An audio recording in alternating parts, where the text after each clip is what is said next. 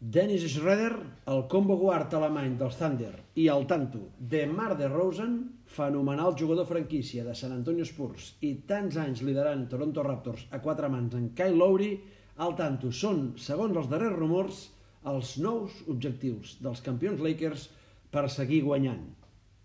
Encaixen? Són el que necessiten LeBron i Davis? Millorarien el que ja hi ha? Es molestarien com s'han molestat abans altres estrelles? Analitzem-ho.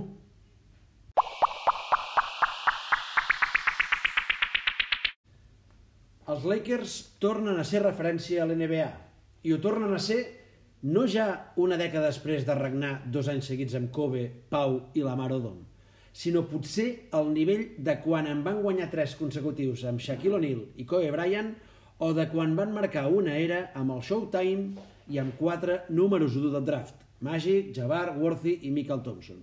I d'això ja en fa més de 30 anyets. Aquesta nova era s'ha assentat ràpid amb l'Ebron fent de Magic i Kobe i amb Anthony Davis en el paper de Karim i Shaquille. I amb un sòlid roster al seu voltant que els ha fet jugar com un autèntic equip. I en aquestes que arriba al mercat, on Pelinka i Jenny Bass hauran de filar molt i molt prim. Què tocar d'un equip campió per renovar-lo sense espatllar-lo? No és poca cosa. El jove Kyle Kuzma, cridat a ser la tercera pota ofensiva de l'equip de l'Ebron i la Sella, i la negativa d'Avery Bradley a jugar a la bombolla en plena pandèmia han estat potser de les poques decepcions de la temporada, sumades a l'escàs protagonisme del tercer base Quinn Cook i a la desaparició de Javel McGee dels, als play-off.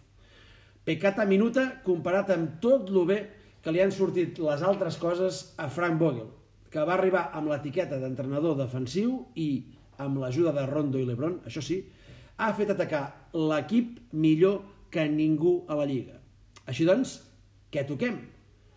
Lliguem Rondo o anem a per un base en millor edat que dirigeixi com ell, però que a més aporti punts? I estic pensant en Dennis Schroeder, que sembla un dels objectius de Pelinka.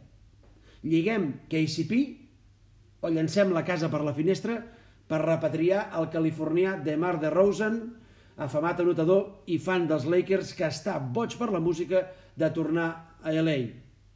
I entenguis entregar Kuzma i Danny Green com a llançar la casa per la finestra.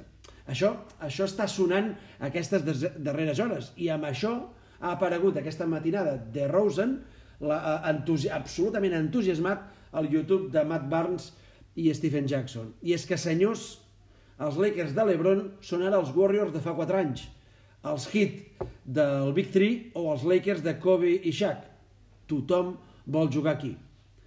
Sobre Schrader i de Rosen, un parell de reflexions. El base alemany em sembla un perfil de jugador més necessari pels Lakers que no pas de Rosen, que si bé potser té una qualitat superior, en realitat podria solapar funcions amb l'Ebron. No tinc clar que els Lakers necessitin talent perquè sí. De fet, segurament són l'equip de l'NBA que menys necessitat tenen ara mateix de jugadors que com DeRozan o Bradley Bill, que també havia sonat, t'asseguren grans números a partir de molta possessió de pilota i de buscar-se una vegada i una altra els seus propis llançaments. Per això, per això els Lakers ja tenen l'Ebron i, i ben aviat també Anthony Davis, diguem-ho clar. Els Lakers busquen i necessiten una tercera opció ofensiva més fiable que l'actual versió de Kyle Kuzma. En realitat, per millorar l'equip, segurament hauran de decidir si afluixen la mosca per substituir Rondo o per substituir el que pensaven que ja aquest any seria Kyle Kuzma i no ha sigut. La jugada Raider em sembla més atinada per, per substituir Rondo que la de, eh, de Rosen per Kuzma, com he dit. Una altra cosa és que, que trobin el jugador ideal que millori les prestacions d'un i altre. En aquest cas, no queda clar.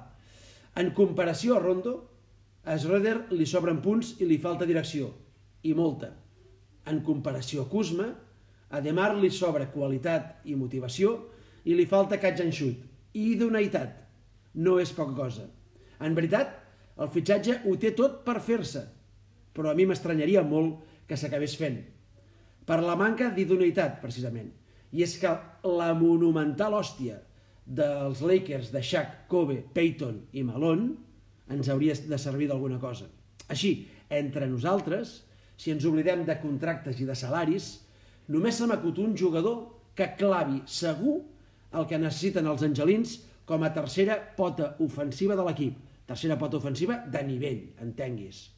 Sí, Clay Thompson, que a més portaria l'equip al quart número 1 del draft, encara que no sigui seu, sinó del seu pare.